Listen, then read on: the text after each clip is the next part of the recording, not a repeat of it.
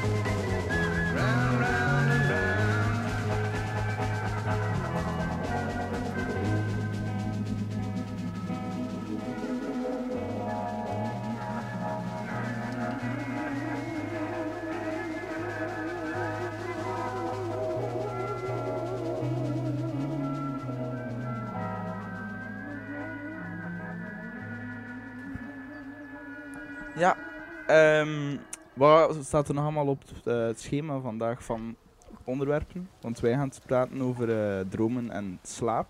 Ja. Maar wat staat er nog allemaal? Wat doet de rest allemaal vandaag? Ja? Wel, eh, dus we beginnen inderdaad met dromen en slaap, omdat we Ja. echt zo... Ziet het aan onze kleine oogstjes. Ja, we zijn Het nog... heeft ook te maken met de nacht, hè, wakker worden uit de nacht. Ehm, Ja. Dus we gaan het komende, de komende twee uur, want elke twee uur ehm, wisselen we eigenlijk van subthema. Ja. Eh, de komende twee uur gaan we praten over, ehm, over dromen en eh, slaap in de oudheid, hoe dat de Romeinen en de Grieken daar tegenaan kijken, want die hadden daar hele rijke symboliek voor. Ja. Ehm, dan komt ook eh, Wilco van Dies Koffie. En die komt Mm. vertellen over eh, het koffieritueel. Dat is voor Ah. vele mensen heel erg belangrijk om de nacht eh, af te schudden, zich af te schudden. ik hoop dat die koffie mee heeft. Ik denk dat er hier, ja.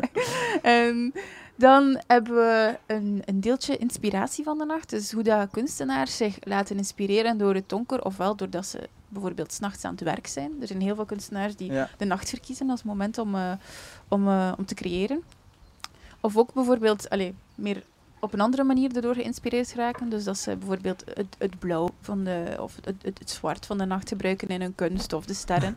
dus en dan komt Ja. Katrien, Katrien Perquis, je ziet hier al haar materialen Ja, staan. er staat hier al een sneak peek Ja, dat is rond één uur. Dat is- gaat super cool zijn. Maar gaat hij dan live een, een demonstratie doen van hoe zij uit natuurlijke pigmenten, dus indigo, eh, zo'n mooie blauwe kleuren krijgt. Dus dat gaat heel tof zijn. Ehm, en dan hebben we een volgend blokje dat gaat over ja, een iets zwaarder thema. eh, afscheid en de dood. Omdat de nacht eigenlijk ook als, als, ja, Amai. als moment waarop dat je in rust gaat, waarop dat alles rust. Ja. Ehm, als tegenhanger van het licht. Ehm, dat dat ook eh, zeker in het verleden geassocieerd Ja, is tuurlijk. geweest met de, met de dood en loslaten en ja, een beetje naar binnen keren. En dan komt Eli, jullie collega, daar, gaat daar wat over ehm, Ja. op, dat, op dat thema ingaan. Ehm, dan hebben we een deeltje over de enge nacht. We enge wat verhalen en urban legends van Brugge en Oeh, de Ja. broodje aap van Brugge. zo. ja, cool zijn. Ehm, dus ja, de nacht als, als enge plek vooral. Hè. We- Wow. Ja. Voor maar niet voor Jelle. Ja, dus bang zijn in het donker is toch wel een, allee, een ding. Dus vandaar dat we dat thema er ook eh, hebben Ik ben wel een beetje bang in het donker soms, dus Dat, ik. kan erin komen. Alle respect, het is oké. Ehm, dus, eh, en daarna komt het thema eh, Een nacht in het donker. Dat gaat eigenlijk over... eh, dan stellen we ons de vraag. Ja. het lijkt er een beetje op van... maar Het gaat eigenlijk over iets andere zaken. En het gaat eigenlijk over het erfgoed van de blindengemeenschap. Auw. Dus eh, omdat... Je kan de nacht ook beetje koppelen aan onze zintuigen. Dus Ja. wat dat er zo de nacht voor ons vaak zo moeilijk maakt als Mhm. mensen, is dat wij niet kunnen zien. Maar er zijn Ja. heel veel dieren die daarop compenseren door bijvoorbeeld andere zintuigen te gebruiken. Mhm. Ehm, dus dat, daar gaan we eigenlijk meer over zo, die afwisseling van zintuigen spreken. En dan komt mijn collega Ina bijvoorbeeld over, de, over eh, het blindenerfgoed praten. Dat gaat heel tof zijn. En Interessant. dan sluiten we normaal gezien af met, eh, eh, met een knaller. het, eh, het, eh, het Brugse uitgaansleven. Eh, dus de muziekscène uit de jaren 80 en vandaag. Hey, omdat het, het levensnacht, stak, allee, het verandert een beetje hè, Ja, eh, wanneer het donker eh, valt. Overdag zijn de meeste mensen aan het werk en s'avonds en s'nachts komt dan de ontspanning. Dus daar gaan we het daarover hebben. Amai. Dus, Amai, wat een, wat een gevulde dag. Ja, we zitten hier ook denk ik tot 11 uur zeker? Niet Ja. tot tot tien. Tot 10 uur. Tot Ja. 10 uur, ja. Eh, de afterparty is tot... eh, nee, nee. eh, ja, we zitten hier dus van 10 tot 10 en 12 tal uur. Eh, en we gaan dan str- straks nog wat verder praten over, over dromen en slaap. Ja. Maar ik denk Ja. misschien weer een liedje. Heel goed. Ja, Oké, het volgende tof zijn.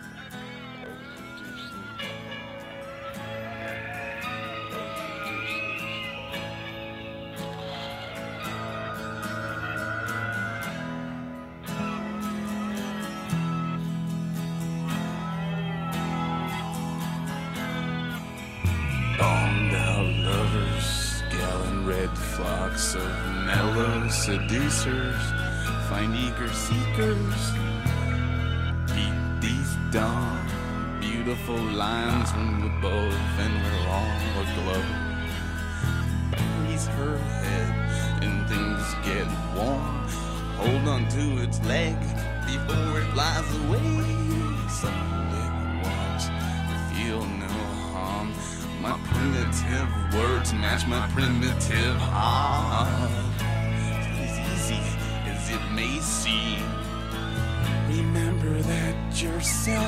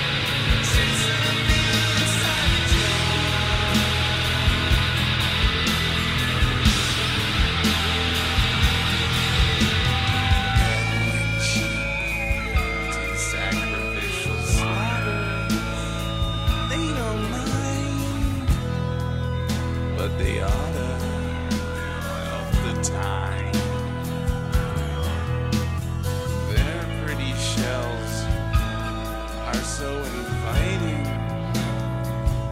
well protected. Their eyes are rivers, they give me shivers.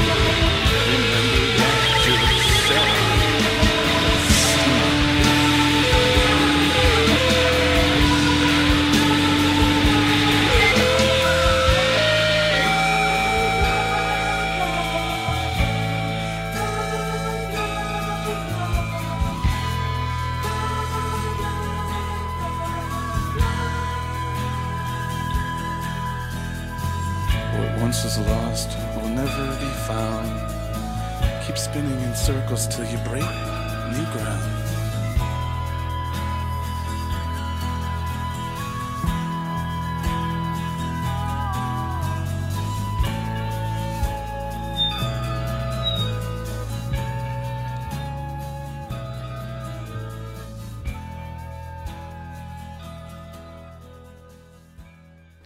and resign terug naar het streepje psychedelische rock. Om wat mee nummer. wakker te worden. Ja. Goed nummer. Ja, het was een tof nummer, ja. Dankjewel, dankjewel. Ehm we zijn hier terug nog altijd met Sarah. Het is jammer genoeg al het laatste Ja. dialoog, de laatste dialoog die we van vandaag, of wij, die, wij in ons blokje met Sarah gaan hebben. Misschien kom je nog terug vandaag, ik weet het niet. Misschien wel. Het zou wel kunnen, het zou wel Ja. kunnen. Eh, nu Sarah, je, je werkt voor de erfgoedcel van Brugge. En dat deed me dan denken van, wat is eigenlijk jouw favoriete erfgoed van Brugge? Ik, ehm, ik vind dat wel... Het is een goede vraag. Maar ik vind dat wel echt niet makkelijk om te beantwoorden. Ehm, Toch moet je antwoorden. Nee, je moet... nee, oké, ja, nee. ehm, het zijn redelijk abstracte dingen. Like zo bijvoorbeeld... ehm, de connectie van Brugge met water, bijvoorbeeld. Mm. Vind ik Ah, iets ja. dat... Ja? Het Venetië van het noorden. Ja, ik ga heel graag wandelen langs de rijen. Eh, wat, wat, wat, wat minder druk is. Ja. En dan zo gewoon hoe dat, dat ontstaan is, dat gebruik van die, die waterwegen. allee, eigenlijk toont u dat ook gewoon hoe dat mensen zich vroeger organiseren. Eigenlijk. De meeste architectuur toont gewoon hoe dat mensen leven, welke gebruiken dat ze hebben, hoe ze Er zich zit begeven. overal een verhaal achter. Ja. Eigenlijk wel, ja. Dus ik zou dat zeggen. Of ehm, ook iets, iets, iets brugs, maar dat is ook zo wat, wat eerder abstract. Like als ik zo op benen werk of zo sta te dansen, allee, of stond te dansen, toen dat dan nog mocht, in groep, dan voel ik mij ook wel zo wat like, deel van zo... Ja, dat klinkt een beetje cheesy misschien, maar zo, dan voel ik me wel, wel verbonden met, zo, met die stad, omdat ik weet dat mensen dat eeuwenlang ook al Ja. gedaan hebben. Dat is eigenlijk de traditie van het dansen dan een beetje. ja, of- want dat is ook niet zo uniek voor hier of zo, hè. Maar ja, dat is zo. Ik wil Brugs erfgoed zijn. Ja. ja, Ga me boos maken. Ja, like, Nee, de rijtjes. van- En dat Ja, dan ja de rijtjes. Met de zwaantjes erbij, dat is toch... Ja, die zwanen is eigenlijk ook wel typisch. Dat- Is dat dan ook erfgoed, die zwanen? En, Bijvoorbeeld? Allee, ik weet, ik ja. weet niet welk statuut dat, dat heeft, maar dat is zeker wel allee, dat is zeker verbonden met de stad. Ja. Ehm, ja, is daar ook... Ja, Het is misschien een beetje raar om een dier erfgoed te noemen. Goh. Misschien was het misschien een beetje Nee, maar je kunt wel bijvoorbeeld het houden van het dier of zo erfgoed Ah, ja, noemen. voilà. Ja, dat, Het- dat kan je wel. Het doen. goed zorgen voor onze zwanen. Ja, Ja. Aan de rijtjes en in het water. ja. is Dus, misschien wel ehm, erfgoed. Ehm, ik denk dat ik nog een afsluitende vraag heb. En dat is dan voor... ehm, eh, ik, eh, eigenlijk wil ik gewoon een tip vragen van jou voor onze luisteraars. Wat moeten ze in Brugge zeker bekijken van erfgoed? Dus Hmm. we weten jouw favorietje al, maar wat raad je de luisteraars aan? Hmm. Hmm. Het mag ook iets mega abstract zijn of iets super concreet. Dansen of zwaantjes of... Dansen of zo. Wel, like ook zo, ik denk ook aan een wandelplek. Maar dat is zo... Dat is eigenlijk eerder een, een verlaten fort. Het fort Ah. van Beieren. Oh, zalige plaats. Ja, Ja. ik vind dat een hele mooie plek om te wandelen, omdat je zo'n stukje bos hebt en een stukje open veld. Ja, ik weet ook weer niet of dat ik dat... Allee, dat is denk ik niet geclasseerd of zo, ze. maar ehm, het, het fort misschien wel. Dat was Ja. eigenlijk dus zo een typisch fort vanuit die tijd. Ja, zo is sterren. Ja. Na zeven jaar inderdaad, zo ja. Vauban-stijl heet dat. En ehm, je kunt die punt nog zien. En ik vind het heel mooi dat dat zo, geïntegre- allee, zo geïntegreerd is in dat, in dat landschap. Je ziet dat de tijd voorbij gaat, maar dat er toch nog restjes in zitten. Oké. Dus, ehm, Een heel, heel mooie natuurtip eigenlijk. ook Ja, een beetje. voilà, eh, ja. Het is heel, heel goed nu ook voor in coronatijd. Je kan ja, daar echt ja, gewoon het is naartoe zo gaan dat ik het ook wel ontdekt heb eigenlijk. Ja. Ah, kijk. Ehm, Gezellig. Sarah, bedankt om met ons de dag wat te schetsen. Ja. Om met ons over erfgoed Met te plezier. praten. Ja, merci. En om de luisteraars een mooie tip te geven. En dan gaan wij nog een streepje muziek Ja, draaien. en dan eh, daarna is dan... eh Gerda. Gerda van de Cultuurbibliotheek van het Sint-Lodewijks College. Ja. Ja. Oké. 嗯。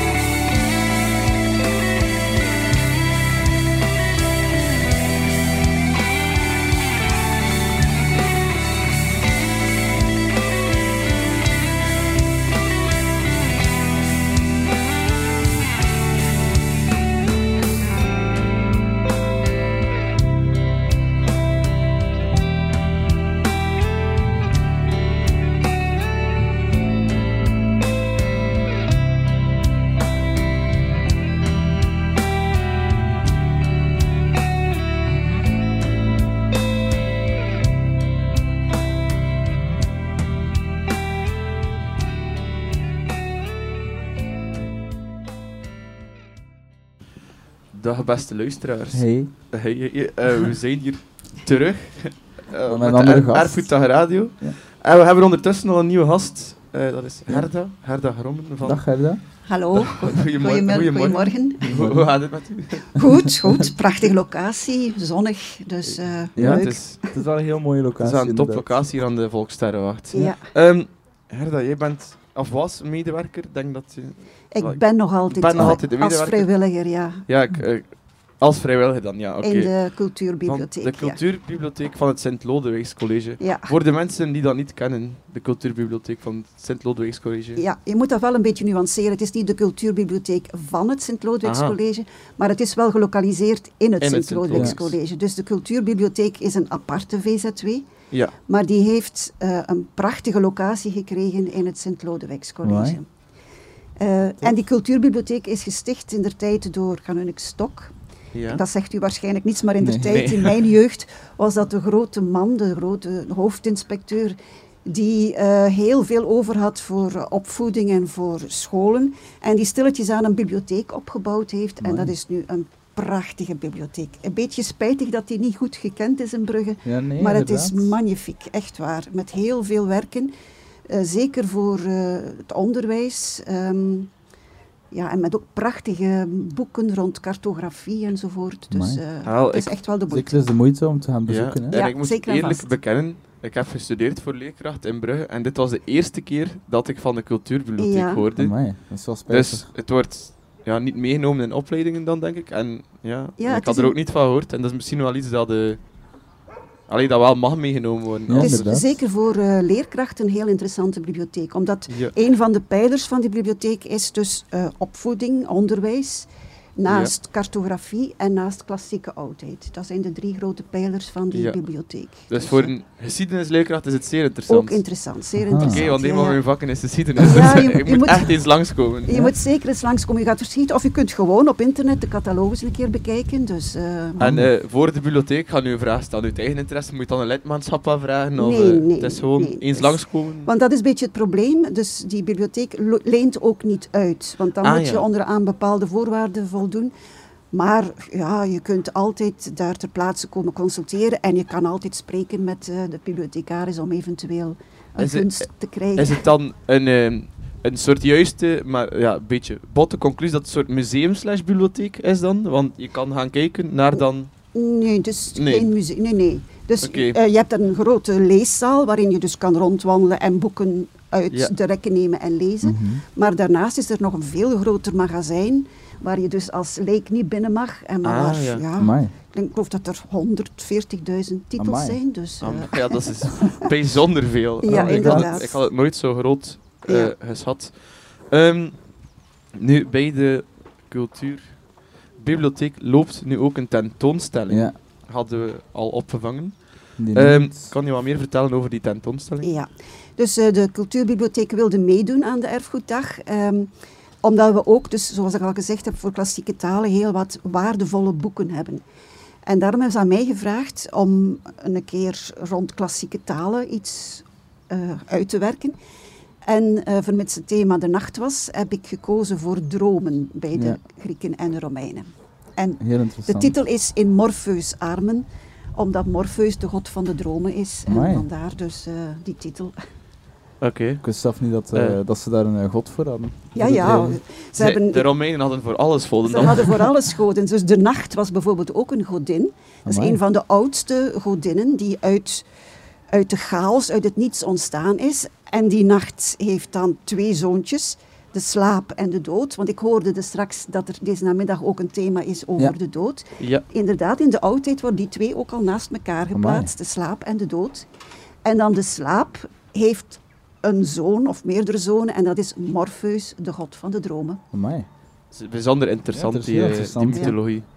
Ja. Morpheus kennen we ook van het verhaal van de adelaar zeker? Of was ik had daar een Nee, nee, discussie dat is over? Prometheus. Prometheus. Dat is Prometheus. Ik was met mijn vader aan het praten en wij waren in een discussie en ik was ha- super hard overtuigd dat ik gelijk had, maar het was dus Nee, Prometheus. Morpheus is een, een, een, Morpheus is dan... gewoon een jonge man die heel Ja. vaak met vleugels voorgesteld wordt. En ehm, die ook, waar ook papavers dikwijls in de buurt zijn, omdat papaver een beetje hypnotiserend is. Ehm, Dus en de Romeinen wisten dat dan ook al, en de Grieken. Ja, ja, Ja. zeker en vast. hè. Ja. Amai. En het, het typische aan Morpheus is dat hij in de dromen altijd de gestalte aanneemt van mensen. Dus van bekende mensen van de dromer. Ja. Dus niet als Morpheus komt hij, maar hij komt Ja, hij als... komt niet als Ja. God, maar als dan... Nee, hij komt als- als, als de broer of de, de, de leider of de, de man of de vrouw van de dromer. Oh, dat is wel... Amai, dat is dat heel is interessant, Ik denk misschien dat we daar straks een beetje over verder gaan en nu Ja. liedjes spelen. Ja, dat is goed voor mij. Klinkt goed? Prima. Ik- Ça va.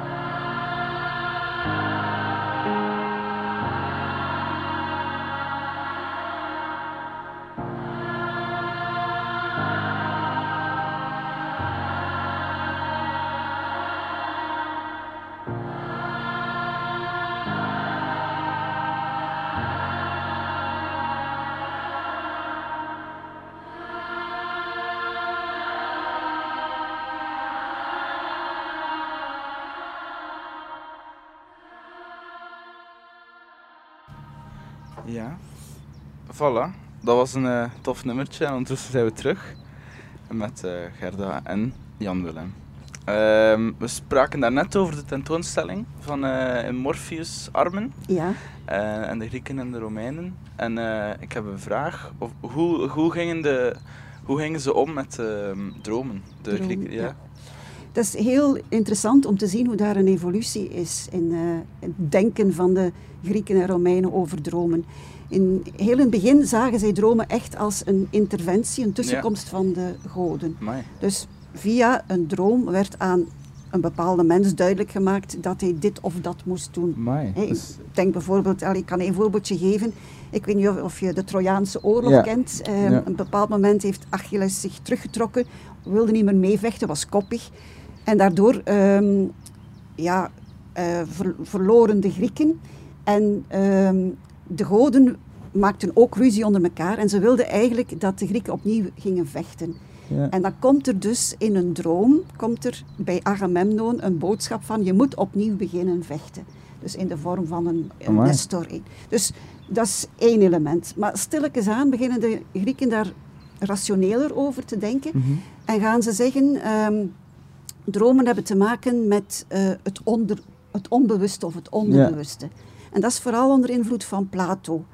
Ehm, Plato die zegt dat de ziel bestaat uit drie delen. Het Mhm. verstand, het karakter, de inborst en de begeertes. ja. En het doel is eigenlijk dat het verstand alles domineert. Maar als we slapen, wordt het verstand uitgeschakeld. Ja. En dan komen de begeertes naar boven. Dat wil dus zeggen dat je in je dromen, dat het onbewuste, de Ja. begeertes naar boven komen. Amai. Dus eh, vandaar dat je soms heel rare dromen hebt. Ja. En het is wel leuk om te weten dat eigenlijk ehm, Freud daar zich achteraf op gebaseerd heeft. Ja.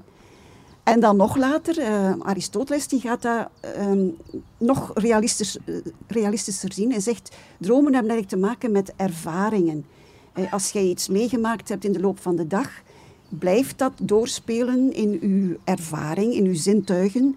eh, en dat komt dan in de dromen naar boven. Ja. Ehm, dus geleidelijk aan wordt dat alsmaar Ja, het is- het is een wetenschappelijker uiteindelijk. Ja.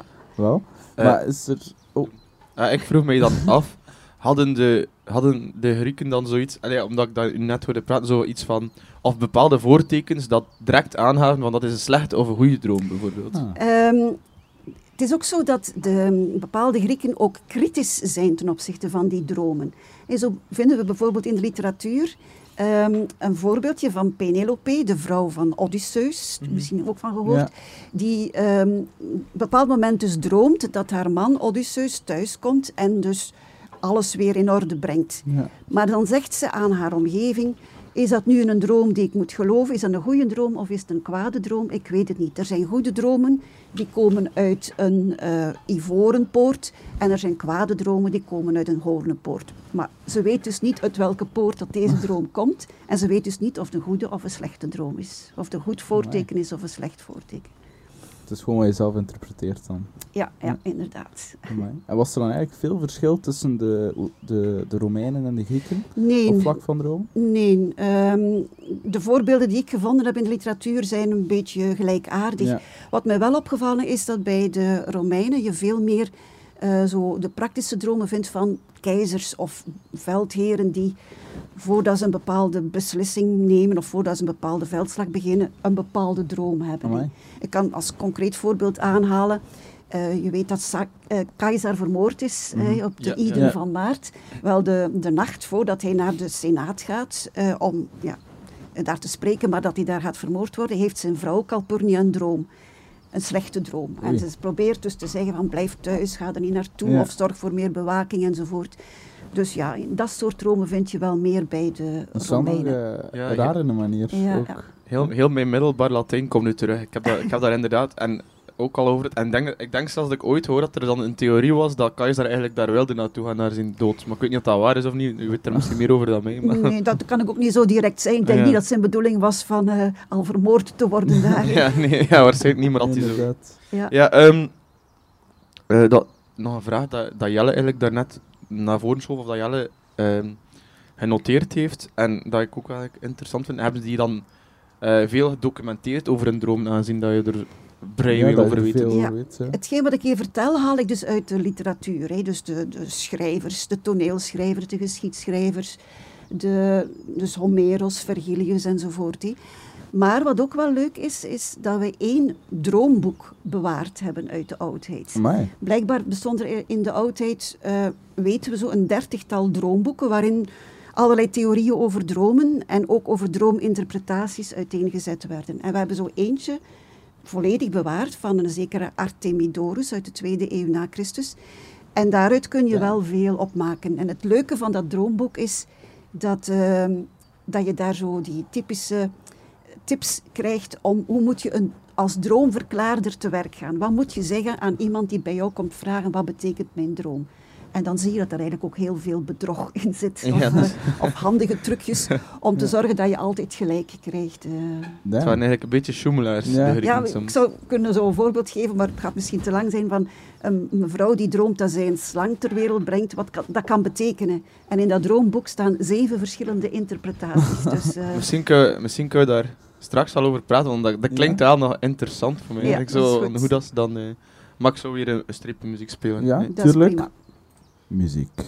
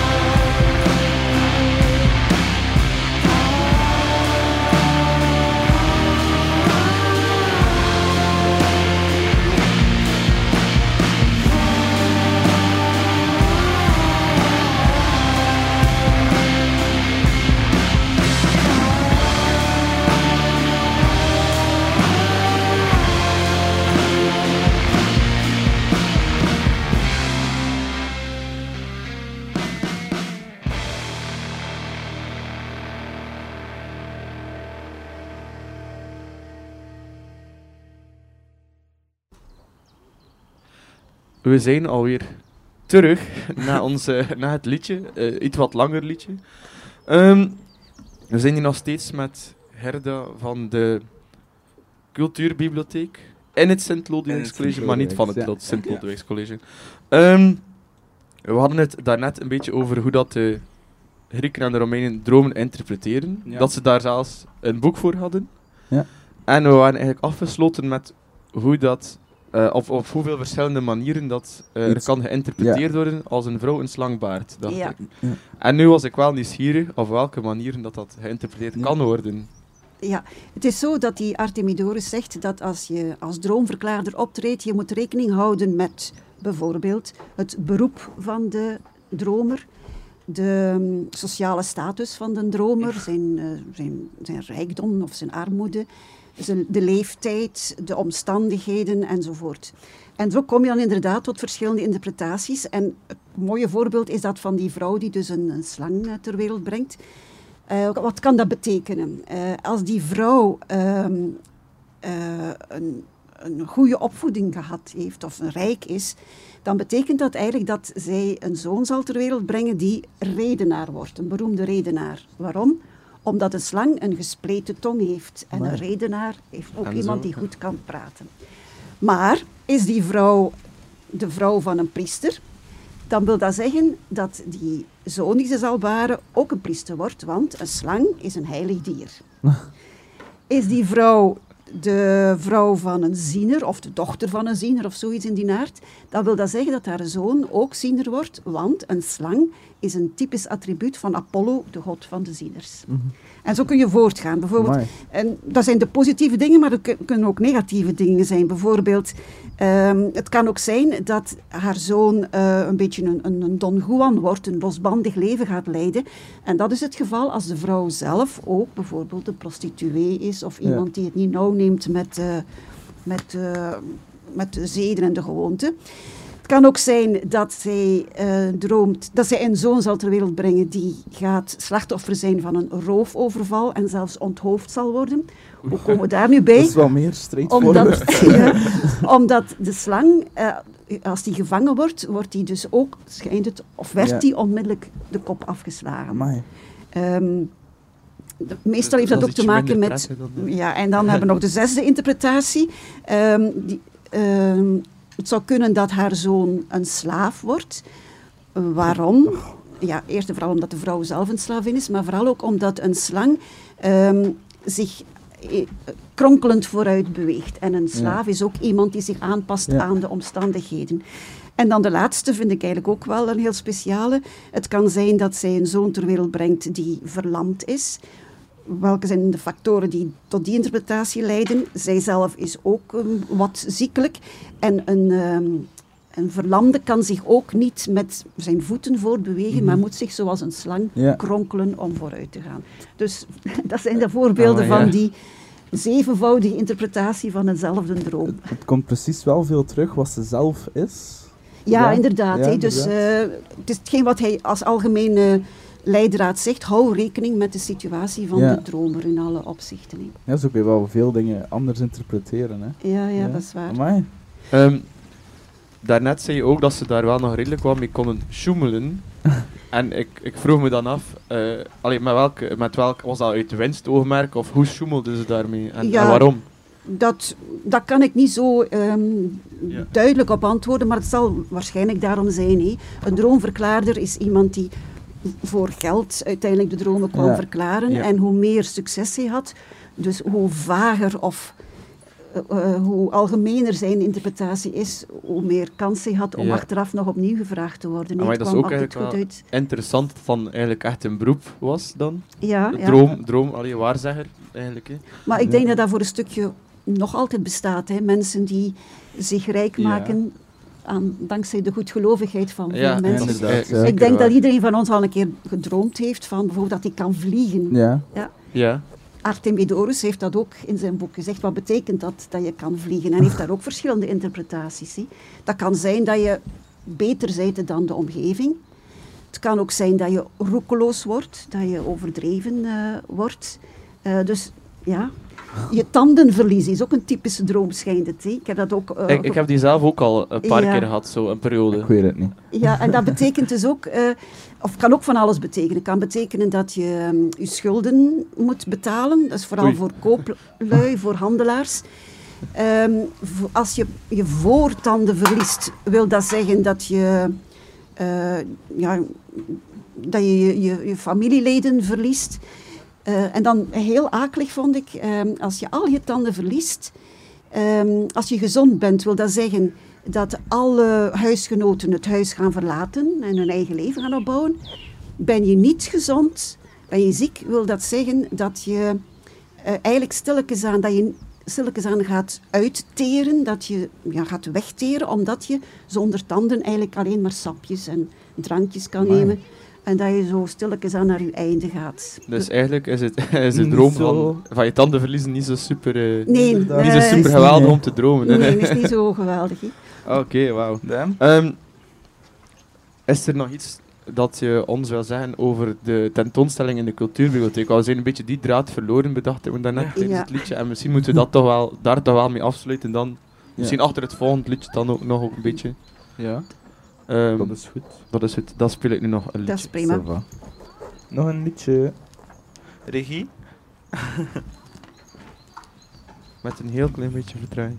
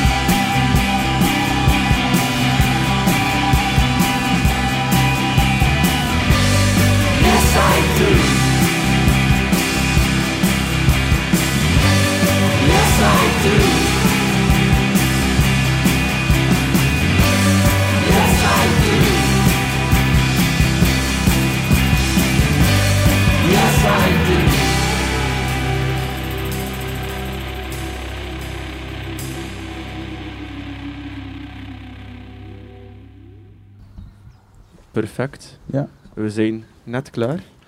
Ehm, Jelle, take it Ja. away. Ehm, de tentoonstelling, eh, hoe lang loopt die nog? Hoe geraken we daar? Hoe, Ja. eh, ja, Ehm, de tentoonstelling is als volgt opgevat. Eh, op een aantal borden staat ehm, ja, verteld wat ik nu hier ook allemaal gezegd Mhm. heb. Hè. Dus Ja. eh, met eh, fragmenten uit eh, auteurs, met afbeeldingen van, van de goden, van die verhalen en zo meer. Mhm.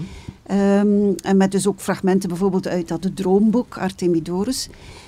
Maar dan vooral omdat het in de cultuurbibliotheek is en de kracht van de cultuurbibliotheek zijn de boeken. We hebben ook een aantal boeken eh, uitgestald. Want eh, de bibliotheek bezit een aantal heel oude, waardevolle, preciosa noemen we dat. Dus boeken die Ja. heel veel waard zijn. Met eh, eh, tekstuitgaves van antieke auteurs. En eh, het pronkstuk van de tentoonstelling vind ik persoonlijk zijn twee ehm, afbeeldingen die we van Morpheus hebben uit het boek van ehm, Hamilton. Ehm, dat is een prachtig boek uit het einde van de 18e eeuw, waarvan de bibliotheek zeven delen heeft. Ze zijn heel waardevol. Dat zijn eigenlijk allemaal afbeeldingen van vazen, Griekse vazen, Etruskische vazen, die een zekere Sir Hamilton uit de 18e eeuw eh, opgegraven had, daar in de buurt van eh, Napels. En die dan dus allemaal nagetekend zijn ehm, en dus in een boek uitgegeven zijn. Amai. En dat is echt wel een heel waardevol. In der tijd, dus in die, het einde van de 18e eeuw, werden daar een, ongeveer een 400 exemplaren van eh, gemaakt. Hoeveel er nu nog van bestaan, weten we Ja. niet. Maar allee, ze zijn wel heel Het zal niet veel zijn, ons. het zal niet veel zijn en ze zijn heel waardevol. Want als je een keer gaat opzoeken op internet bij de antiquariaten, ga je zien dat die boeken eh, veel waard zijn. Ja. En ook Amai. mooi om in te kijken, waarschijnlijk ook heel erg. Ja, je mag er eigenlijk niet in kijken, Ah, je alleen mag niet. achter glas, dat is te kostbaar. ja, ja, dat is eigenlijk Ehm, logisch. Maar, ehm, en de tentoonstelling is dus morgen te bezichtigen, Ja. van 10 tot eh 6. Maar het was dus normaal zo, gezien corona, dat je moest inschrijven. Ehm, maar ik denk als je ter plaatse komt, dus in het Sint-Lodewijkscollege, ehm, kan je vragen of er nog plaats is. Er worden dus Mhm. maar een aantal mensen per kwartier binnengelaten. Ja. Het is allemaal coronaproof gemaakt. Kan je nu nog inschrijven ook? Eh, ik denk niet dat je officieel kan inschrijven via de site van Ah, ja, Erfgoeddag, maar. Eh, eventueel, Door een berichtje te sturen. Of eens bellen of een mailtje. Of. ja, maar zo, ja, Ja. ik denk dat je Eens uitzoeken. Ja, ja. eens op Of, of, of gewoon gaan, dat kan. Ja, of Ja, gewoon gaan, ja. Ja, het is dat. Ik denk dat je wel het kan eh, riskeren van te gaan, want zo heel veel inschrijvingen waren er nog niet. Ah, dus, oké. En om het kwartier worden er zes mensen binnengelaten, dus dat zal wel, ja. dat zal wel lukken. Ik ben heel erg geïnteresseerd Ja, om misschien morgen toch nog te gaan. Ja. We moeten misschien Moet samen gaan, Ja, we dat moeten doen, doen. inderdaad. Ehm, En daar ja, nog, wil ik nog even bij zeggen, ja, eh, we proberen ook altijd eh, leerlingen erbij te betrekken van de school. eh, Bij wat we doen in de cultuurbibliotheek. Maar natuurlijk door corona was dat nu een beetje mislukt. Want vorig jaar was het al gepland hier, die herfgoeddag rond de nacht. En was er een ehm, collega klassicus die met zijn leerlingen potten eh, gebakken heeft. Met daarop afbeeldingen van dromen.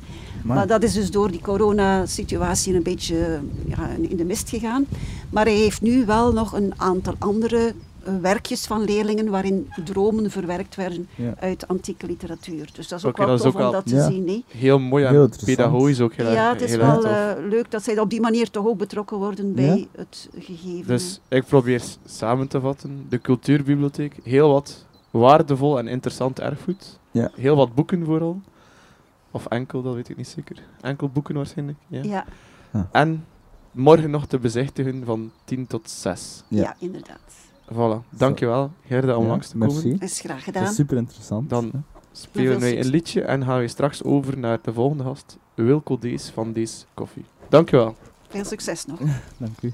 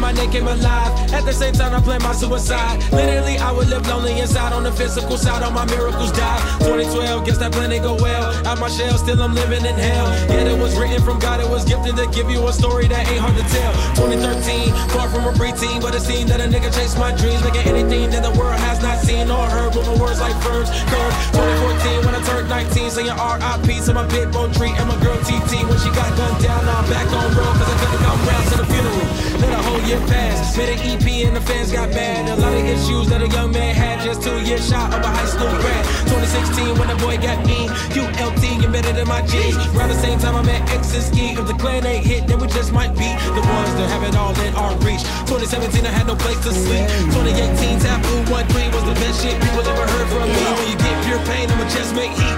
2019 been good and bleak. Cut off the locks, new looks ain't me. Used to chase my dreams, not a dream chase me. Chase my dream, chase my dream, chase my dream.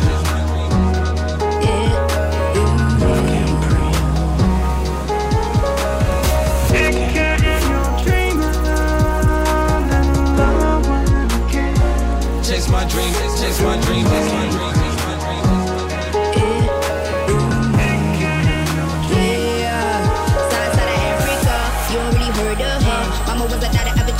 made ten scenes, royalty, so skin deep, melanin carried through heat. Papa was a soldier, did a whole life on his shoulder. Both were my pillars, yeah, I told ya. Both were a product, about ten kids, about ten meat, about ten feet. School was about ten Ks, T getting faded, hope getting faded. Eight, no lights flashing, the flicker was a dream. Providing for the children, just to hope I saw beam with prosperity. Man, my parents took good care of me, made sure opinions were heard, cause it was scary. With a kid things. I was looking in the bag when I thought I wasn't heard. Decided to take back, take. Back, chase my dreams. Chase my a dream? Anything that the world has not seen. was a dream?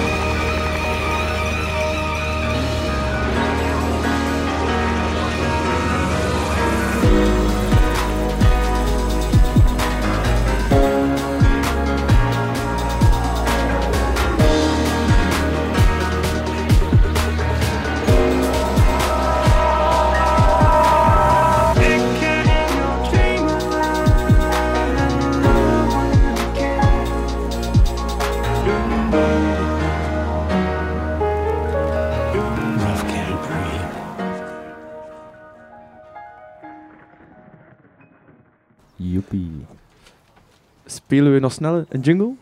Ah ja, juist. Ja, wacht. Wacht, Villa beste luisteraars. Live op Erfgoeddag. Villa Bota. Yeah. Daar is hij dan. Voilà. Voilà, Ondertussen de zijn we terug Ja. we zijn terug. met, eh, Inderdaad. Met, met een gast. Wilco van... Deze koffie. Ja, Ja. deze koffiebranders. Amai. Ehm, en we gaan een beetje praten over rituelen voor het opstaan, koffie en wakker worden. Ja, het dat is verschil in ja, koffie Heel belangrijk. is regulier en specialty. En duurzame koffie ook een beetje. Ja. Dus dat belooft alvast weer een interessante drie kwartier te worden. Eh, nu, Wilco, kan je kort voor ons deze koffie eens voorstellen? Ehm, dus ik ben Wilco van deze koffiebranders. En eh, sinds 2019 zit ik in de Hoogstraat met een koffiebranderij. Ehm, en wij werken eigenlijk enkel met specialty koffie. Dat is eigenlijk koffie die eh, ja, ingekocht wordt door... eh, ik werk dan samen met Belgische importeurs die die koffie rechtstreeks inkopen. Ehm, en dat is eigenlijk koffie die ehm, ja, iets hogere kwaliteit heeft. En ehm, ja, waar dat er wat betere standaarden worden gegeven voor de boeren qua prijs, maar ook qua eh, ja, environmental impact en dergelijke. Eh, dus dat is een beetje wat ik doe. Ik brand die koffie dan specifiek op smaak. Ehm, dan hou ik rekening met verschillende factoren uiteraard. En eh, ja, dat verkoop ik dan in de branderij. Maar, Oké, heel erg cool. Ja? Eh, ik, ik, kan, ja, ik kan het niet laten om te zijn, maar ik zie dat je iets meer hebt, Wilco. Ja, En wat is dat? dat is eigenlijk een, eh, een, een allee, dat is wel iets tofs. Dat is van een koffieboer in eh, Guatemala, eh, Amai. met wie dat ik ooit een keer samen heb gezeten rond de tafel. En eh, maar ja, die had dat mee voor mij. Dat is een, een, een gift dat ik gehad heb. En dat is eigenlijk een, een, een koffiezetapparaatje dat ze daar gebruikten ehm, ja, om in de koffies te zetten. Dus dat is eh, een heel simpel ding. Dat is gewoon een houten, ja, een houten statiefje waar een zakje in zit met een katoenen filter. ehm, waar dat zij dan de koffie in maalden, allee, de gemalen koffie in deden en vervolgens kokend water opgoten.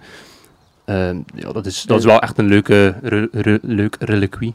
Eigenlijk Ja, een bijzonder pure koffiezet dan ook Ja. eigenlijk. Het is Ja. gewoon de koffie, wat hout en een filter. Ja, ja inderdaad. bijzo- bijzonder leuk.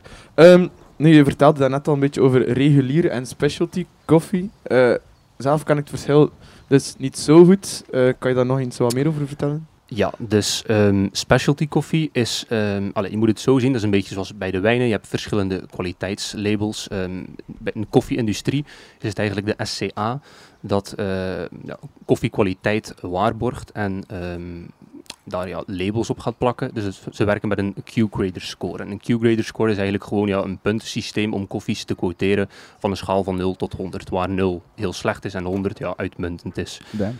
Eh, 100, allee, dat, dat vind je eigenlijk bijna niet. Dat bestaat eigenlijk niet. Ehm, maar alles wat een Q-grader score boven de 80 heeft, wordt eigenlijk gelabeld als specialty.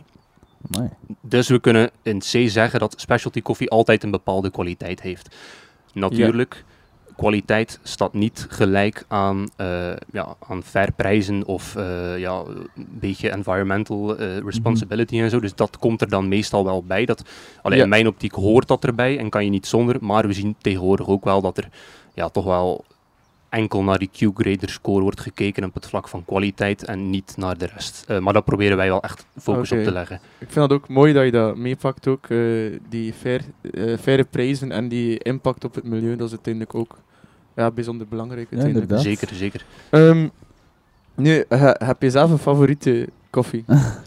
Ehm, ja, ja, ja, toch wel. Wel, Pas op, ja, ik drink natuurlijk veel koffie, ik proef heel veel koffie. Eh, en het is eigenlijk heel divers, dus elk continent heeft echt zijn eigen, eh, ja, zijn eigen smaakkarakter en eh, ja, zijn eigen smaakkleuren. Dus het is sowieso leuk om verschillende smaken te proberen en te blijven proberen. Tof.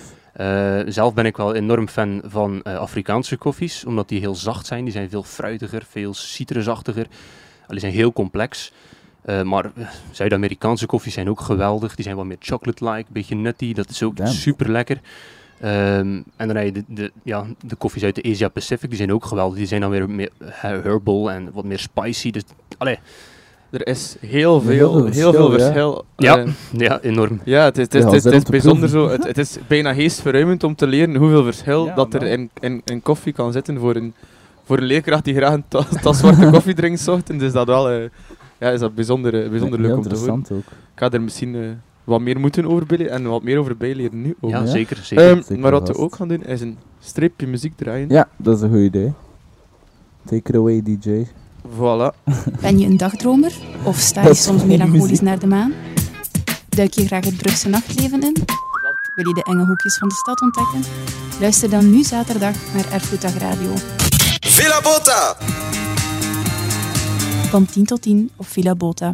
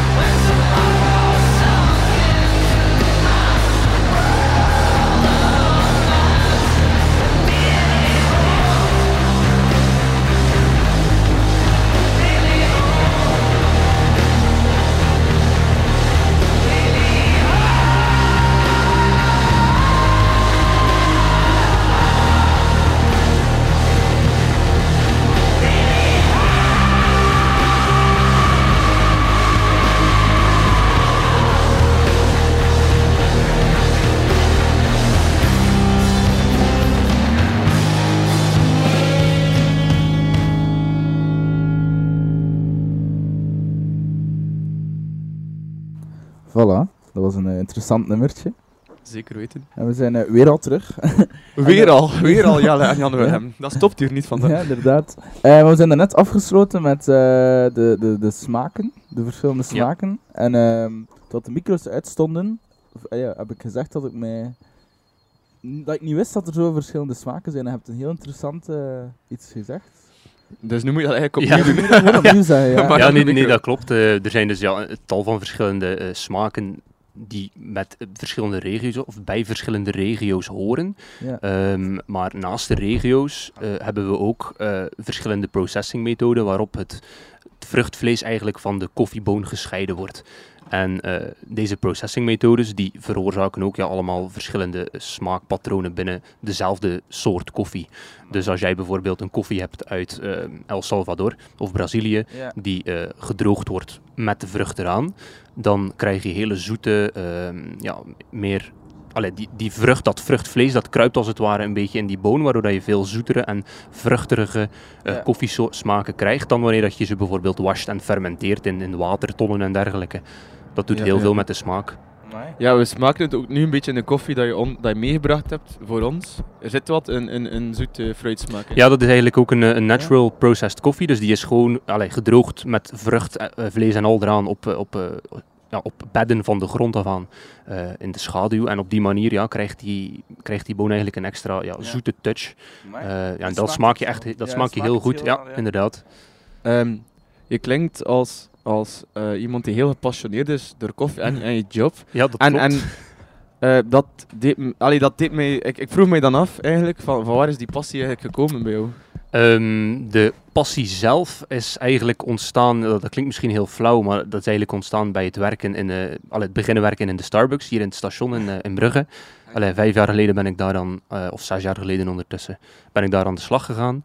En eh, een heel gedreven en gemotiveerde eh, trainer gehad daar zo.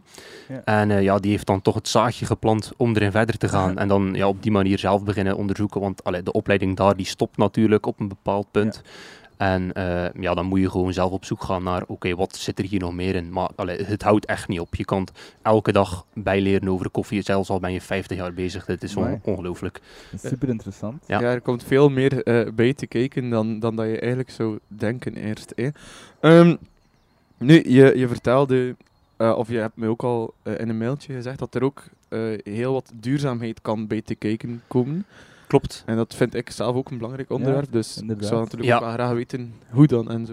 Ja, nou, het, het is eigenlijk zo, ehm, de koffie-industrie zelf, allee, dat zullen de meesten onder jullie wel al weten, eh, de koffie-industrie zelf is eigenlijk een, een redelijke nasty business. Ja. Eh, als we gaan kijken naar oké, grote producenten, Ehm, ja, hele lage prijzen voor de boeren, die kunnen hun familie niet onderhouden, die kunnen hun kinderen niet naar school sturen en dergelijke meer. Ehm, en en allee, dat is het, het, het economische aspect, dus dat los je voor een stuk op door te kiezen voor beter geteelde koffie, door duurdere Ja, ja. koffies.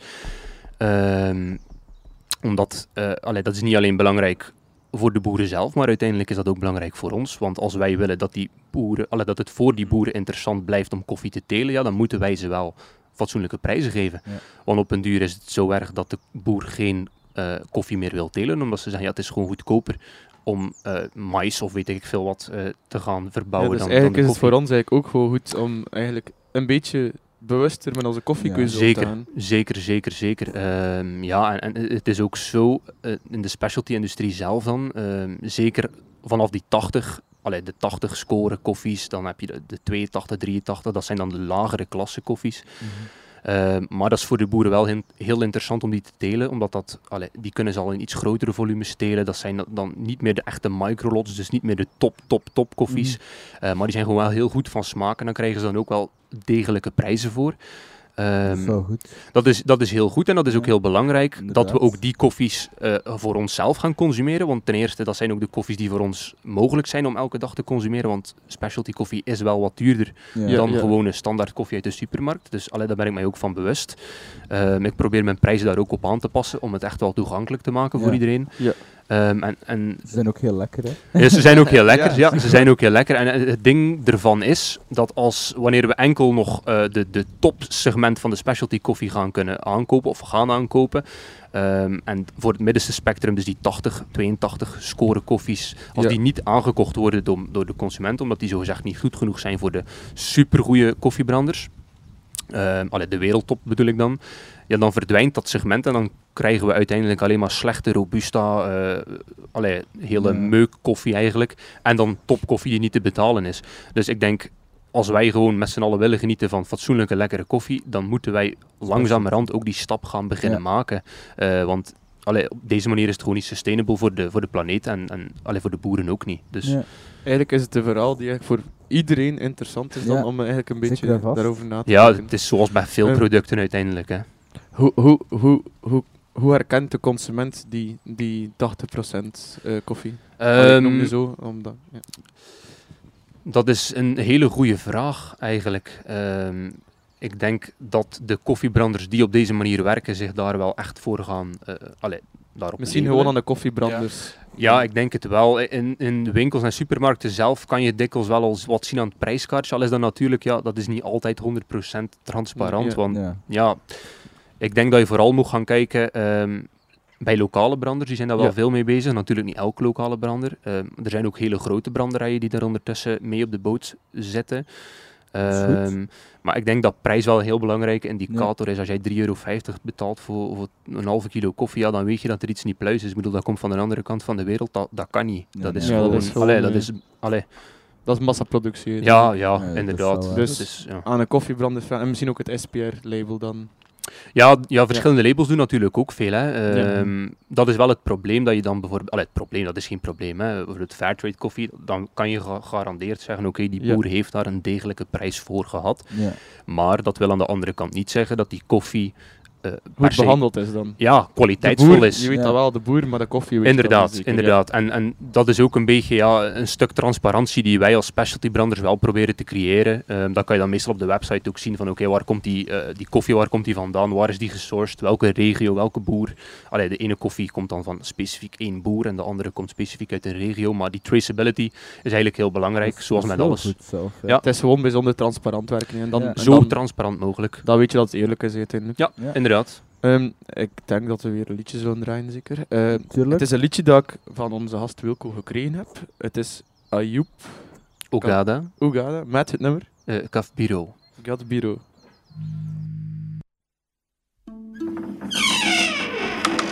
Je luistert naar Erfgoeddag Radio. Villa Bota.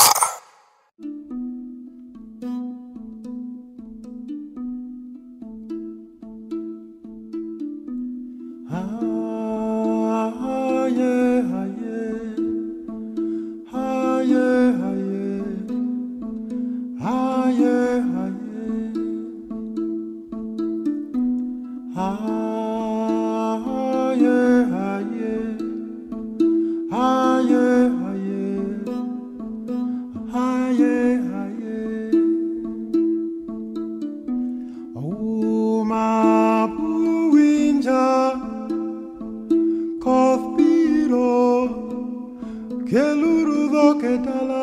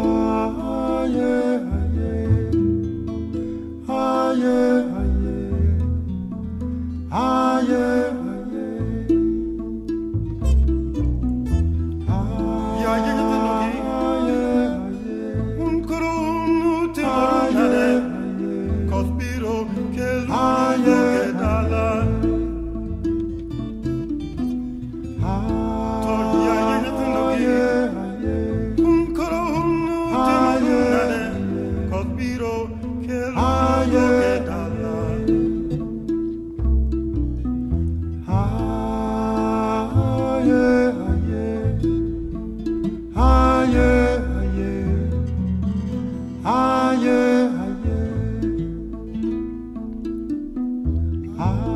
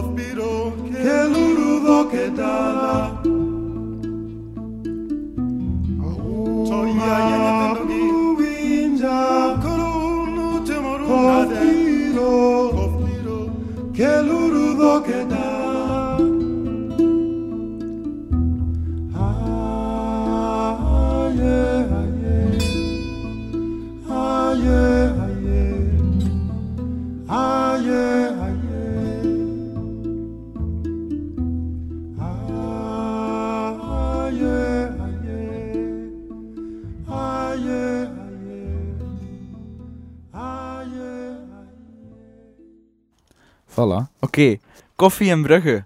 Ehm, zijn er eigenlijk veel specialty koffie eh, bra- branders in Brugge? Of Ehm, ja, wat is veel, hè? Wat is veel. Ik weet dat er in de Academiestraat een, een zaakje zit die ook eh, echt gefocust is op Ja. specialty. Ehm, en, en dat is allee, de enige eigenlijk waar ik van weet dat hij dat alleen doet. Ja. Dus ook alleen specialty, eh, zoals ik. En dan heb je in Oedelem nog een brander zitten. Ja. Ja, ik denk dat dat is eigenlijk, dat is het een beetje, denk ik. En is er, is er veel verschil daartussen? Of? Goh, goh, ja, wat is het? Ja, is er veel verschil tussen? Ik zeg nu ook niet dat die, die een man of die een vrouw in, in Oedelem niet met specialty werkt. Dat weet ik nee. niet. eh, allee, daar heb ik mij ook niet in uitgediept. Eh, dus ik kan daar eigenlijk echt geen antwoord op geven. Ja.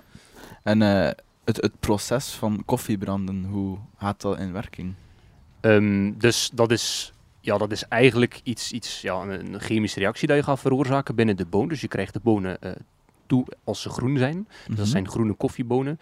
En het is onze, onze doel eigenlijk om die boon op een eh, gecontroleerde manier, dus echt met eh inachthouding van oké, welke temperatuurschommelingen gaan we veroorzaken, die boon te branden. Branden is dan eigenlijk ja, roosteren op hete Ja. lucht in trommels. Ja, en zo gaan we dan op zoek naar de beste smaak. Damn. En hoe, hoe, hoe kun je dat in andere smaken zoeken? Ehm, dat heeft heel veel te maken met snelheid. eh, dus allee, een technische term noemt dat dan rate of, the, rate of rise. Dat is eigenlijk de snelheid waarmee de temperatuur van je boon eh, stijgt. Dus bijvoorbeeld 5 graden per, eh, per minuut of 6 graden per minuut, 10 graden per minuut. En ehm, dat is eigenlijk een heel belangrijke indicator voor ons om smaakontwikkelingen te gaan stimuleren of juist uit te sluiten. Ehm, allee, lengte van brandtijd doet er ook heel veel toe. Eh, hoe lang ga je branden, hoe langer dat je brandt. Ehm, Er komt wel veel bij te kijken. ja, ja, er komt heel veel bij kijken. Dat is ja. zo een rode draad die door heel dit gesprek echt terugkomt van... Amai, er komt zoveel bij kijken bij koffiebranden. Dat is echt... Dat is echt nog zot. Ehm, Ja. Ik dacht ook nog aan... eh, we zitten hier natuurlijk nog altijd nog voor erfgoeddag. Ja. En er bestaat ook zoiets als koffie-erfgoed. Echt? Dat is iets dat ik bijzonder weinig over weet. Ik ook. Ik heb er een klein beetje research over gedaan, maar ja, ik weet dus niet wat dat is. Maar ik denk wel dat jij daar wel meer over weet. Ik veronderstel het. Goh, ko- Of koffie, toch meer dan mij. koffie erfgoed, bedoel je daarmee dan eh, de geschiedenis van de koffie, van eh, hoe dat het hier komt en dergelijke? Of, of- Eh, ah, wel, ik, ik, ik ben op zo'n website terechtgekomen van Koffie Erfgoed België, dacht ik. en dat was dan een website en ja, dat ging een beetje over Koffie-erfgoed? ja, de tradities binnen koffiebranden. En Wel, dat. ja, dat is natuurlijk iets. ehm allee, inderdaad, bij elke cultuur komt er een andere eh, allee, manier van koffie zetten en koffie brouwen, koffie branden kijken. Ehm, dus dat is iets wat dan natuurlijk heel breed gaat. Ehm, hier in België is het zo dat wij eigenlijk gewend zijn van koffie te drinken zwart uit de filter. Ja. In ja. Italië dan bijvoorbeeld is het meer de cultuur voor de espresso's te drinken. Hoe noordelijker dat we gaan in Europa, hoe lichter dat ze de koffies eh, maken. Dus lichter gebrande koffies. Dat is ook al bijzonder. Ehm, Ja. ja. dat, ja, dat gaat heel ver.